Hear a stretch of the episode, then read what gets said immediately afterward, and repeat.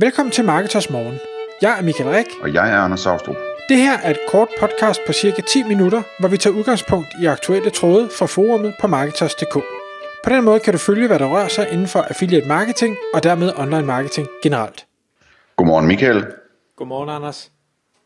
Så er klokken 6, og det er tid til Marketers Morgen. I dag der skal vi tale om et emne, som egentlig kommer sig af noget, som du har oplevet for nylig, hvor en person har en idé, som vedkommende gerne vil pitche til øh, en gruppe, og det er så din øh, netværksgruppe, det handler om. Og i den forbindelse så ved jeg, at du har gjort dig en masse tanker om, øh, hvordan man egentlig griber det an, når man sådan øh, skal stille sig op for en løvens hule. Ja, det kan man sige. Øh, situationen øh, på det her tidspunkt, hvor vi optager det, er, øh, er ikke løbet af stablen endnu, så der er lavet en aftale med den her person om at komme ind og få noget feedback på sin idé. Det er, er øh, en idé, der, der er i gang, øh, hvad hedder, den er i gang sat, men er stadig i sin øh, tidlige fase og øh, har derfor mulighed for at ændre ting, eller tilrette ting, tilpasse ting undervejs, og, øh, og derfor så spurgte han, om, øh, om han kunne få lov at komme ind og, og stille sig foran, øh, foran hele gruppen på de her øh, ni personer, som vi er, og forklare, hvad er det konceptet går ud på, hvad er det for nogle tanker, hvad er det for noget potentiale, hvordan øh, vil han gribe det her an, og så høre ud fra vores viden, vores baggrund, øh, og vi har meget forskellige baggrunde, så der skal helt sikkert nok komme noget, noget forskelligt, og det kan være, at vi endda er uenige med hinanden, men så kan han tage det feedback med sig derfra, og så øh, forhåbentlig øh, blive endnu skarpere på, på sit produkt.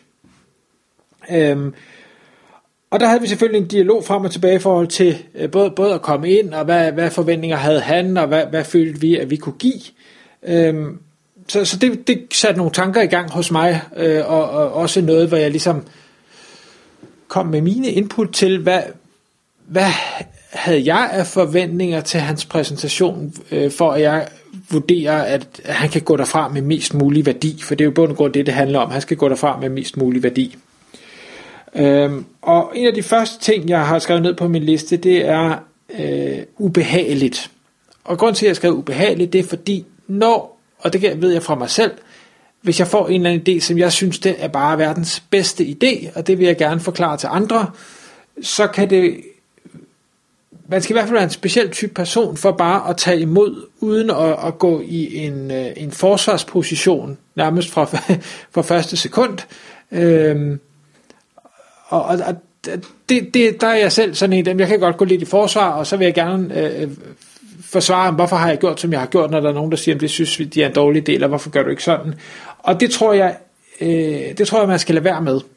Øh, altså, man skal lytte, og det er ikke fordi, man ikke må kommentere på og forklare, men man skal prøve at lade være at se det som et forsvar, men i stedet for at se det som en, en dialog, og nogle folk, der i bund og grund vil en det bedste, øh, som rigtig gerne vil give en værdi. Øh, og og jeg, jeg har ikke løsning på, hvordan man lade paraderne falde og bare tage imod, øh, men, men jeg tror, det er vigtigt, at man, man forsøger i hvert fald for at få mest muligt med derfra. Jamen det synes jeg også er fair nok. Det må vi ligesom lade lytterne arbejde selv med, hvordan, hvordan man gør det. Men, men altså, vi har jo talt om det flere gange, både i podcast og webinars osv., det her med, hvor vigtigt det er at blive god til at, øh, at, at, øh, at tage kritik. Ikke? Altså jeg plejer at, at sige, at øh, også hvis man for eksempel skal ansætte en, en medarbejder eller en, en chef eller et eller andet, at de skal faktisk helst ikke kunne lide at få ros. De skal hellere være sådan nogen, som godt kan lide at få kritik.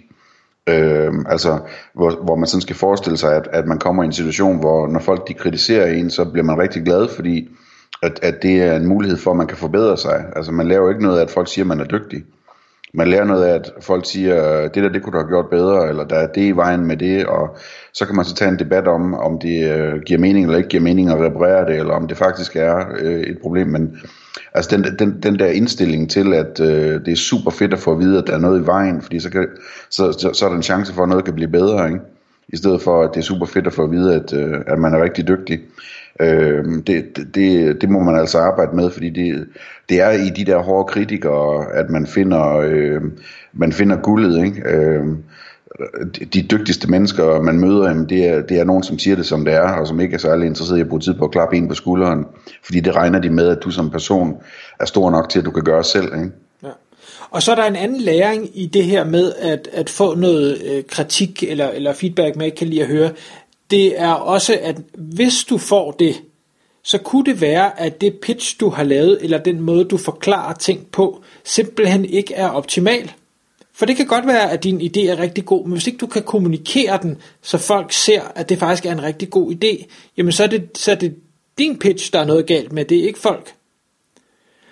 Og, og hvis det nu var, at man skulle have investorer senere, jamen så er det jo super vigtigt at, hov, hvorfor sagde jeg det på den måde, eller hvorfor sagde jeg det ikke på den her måde, eller hvorfor er det, de kommer med de her bekymringer, øh, eller øh, feedback, som de kommer med, kunne jeg adressere det på en eller anden måde, så det var helt klart, hvad det er for nogle tanker, jeg har gjort mig omkring det. Mm. Ja, og man kan sige, når man, når man laver pitchen for sådan en netværksgruppe, så er det måske ikke så meget lige det der i spil, øh, som jeg kommer til at sige nu, men det kommer i høj grad i spil, hvis man skal finde en investorer, at øh, de kan også komme med nogle rigtig kritiske og svære spørgsmål til dig, ikke så meget for, at, fordi spørgsmålet er interessant, eller, eller svaret er interessant, som for at teste din personlighed, for at se, om, om du er stærk nok til, at du kan klare øh, at, at få sådan en smidt i hovedet, uden at, at du øh, falder bagover, ikke? Præcis. Og det er derfor også, som du lige indledte med at sige, Anders, at, at min næste punkt, eller to punkter, hedder Tænk løvens hule, øh, til dem, der har set øh, det program, eller, eller tilsvarende programmer. Og så punkt tre, det er at have styr på tal. Og der vil jeg jo gerne, øh, hvad hedder det, fremhæve Daniel fra, fra Watery og hans præsentation i løvens hule. Øh, og til dem, der ikke har set det, øh, hvis den stadig er online, så, så prøv at gå ind og finde den, fordi Daniel, han var helt, helt eminent til sin præsentation øh, fordi han havde styr på alt. Han havde styr på alle sine tal. Han vidste lige præcis, hvad er det for nogle ting, jeg kan forvente, de spørger om, så de ting har jeg simpelthen klar. Øh, hvad har jeg omsat for? Hvad kommer jeg til at omsætte for? Øh, hvordan har jeg tænkt mig at udvide? Øh, hvad har jeg omkostninger? Hvad er det for nogle ting, der påvirker øh, min ekspansion? Øh, skal jeg ansætte nogle folk, eller skal jeg, skal jeg købe nogle ting? Eller, altså alt det der, han havde helt styr på, og, og marketing, afkast og helt lortet. Og det er bare vigtigt, nu kan man sige, i den her situation, hvor der er en, der skal ind og pitche sin idé, han skal jo ikke pitche det, fordi i bund og grund, så skal vi jo ikke investere noget, vi skal bare give ham feedback. Men hvis han kunne gå derfra, og vi kunne sidde tilbage med en følelse af, så han, vi vil gerne kaste nogle penge efter det der, for det er bare fedt så, så har han gjort det rigtig godt. Bestemt. Øh, og det er svært, fordi de, de fleste øh, har ikke så styr på deres tal. Selvom de driver succesfulde forretninger, så er der rigtig mange, der bare ikke har styr på tallene. Hvad er livstidsværdien på en kunde? Jeg ved det ikke. Øh, hvad har du omsat for et specielt type produkt i, i seneste måned? Jeg ved det ikke. Øh, og, og det, det skal man altså bare vide, og jeg siger ikke, du skal gå og huske på alle tallene hele tiden, men når du skal præsentere sådan noget for nogen, så skal du, så skal du i hvert fald lige kunne huske det i det øjeblik. Ja, ja det, øh, og ellers så, øh, altså, tag, tag papirerne med, ikke? Øh, hvis ikke man kan huske det i hovedet, jamen så bare tage papirerne med. Der er ikke nogen regler for, hvad, hvad man må have liggende foran sig nu, når man, øh, når man taler med folk. Det, det er kun på fjernsyn, at man ikke må have papirer med. Præcis. Og så en, en anden ting, som man øh, skal forberede sig på, som man forhåbentlig allerede har forberedt sig på, det er øh, konkurrencesituationen. Hvordan ser den ud?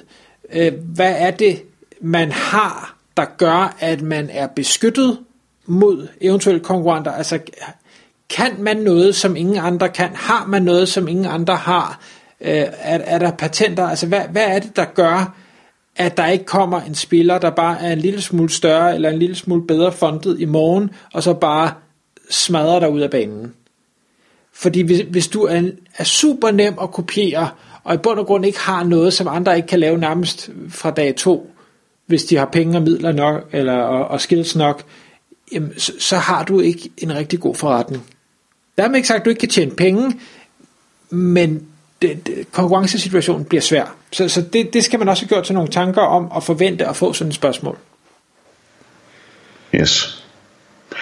Og hvordan får man så mest med derfra, ja. tænker du? Øh, og det var faktisk også det sidste punkt, jeg havde på listen. Øh, jeg har selv sådan, når jeg står i en situation, hvor jeg øh, beder om feedback på et eller andet, så kan jeg bedst lide at øh, få lov at optage tingene. Altså simpelthen lægge telefonen ned og sige, nu trykker jeg optag, så får jeg alt med, jeg selv har sagt, øh, og jeg får alt med, hvad der bliver sagt til mig i en sammenhæng. Og så kan jeg gå tilbage til den igen og igen, og jeg kan tage noter, jeg kan gøre ting og sager. Øhm, Og i stedet for, fordi der, det, det havde vi lidt en diskussion om, der er nogen, der siger, ja, vi vil helst ikke optages. Hvor jeg siger, nej, men, men prøv at forestille dig, det er dig selv, der står i den her situation. Du er bare på, du er, er nervøs. Hvis du så samtidig skal stå og tage noter og håbe på, at du kan få det hele med, og du får meget feedback på kort tid, jeg synes ikke, det er fair. Øhm, så vi er også nået til, at, at øh, vedkommende han får lov at, at optage det til eget brug, og, og så videre, og så videre. Øh, men, men det, det tror jeg er måden, hvor man får mest muligt derfra. Og nogle gange så er det også, når du står i situationen, du er lidt spændt, du er lidt øh, defensiv, og nogen siger noget, Øhm, så kan det godt være, at du hører det på en måde, men når du så sidder derhjemme og ikke er så defensiv, så kan det være, at du faktisk hører det på en helt anden måde, og, og det måske faktisk er det, som personen siger, og ikke det, som du hørte lige i øjeblikket. Mm. Det, øh, det er en super god pointe. Altså på den anden side, så skal man også passe på, øh, hvis man beder folk om hjælp, øh, og måske meget, meget dygtige folk osv., så, videre, så skal man ikke øh, være den, der lægger pres på dem for, om, om man må optage eller ikke må optage osv. Man kan spørge øh, om det pænt, øh, men hvis de siger, at det bryder det sig ikke om, så må man bare tage sin øh, notesblok frem i stedet for, altså så, øh, så er det det.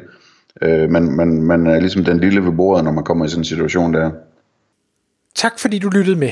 Vi vil elske at få et ærligt review på iTunes, og hvis du skriver dig op til vores nyhedsbrev på marketers.dk-morgen, får du besked om nye udsendelser i din indbakke.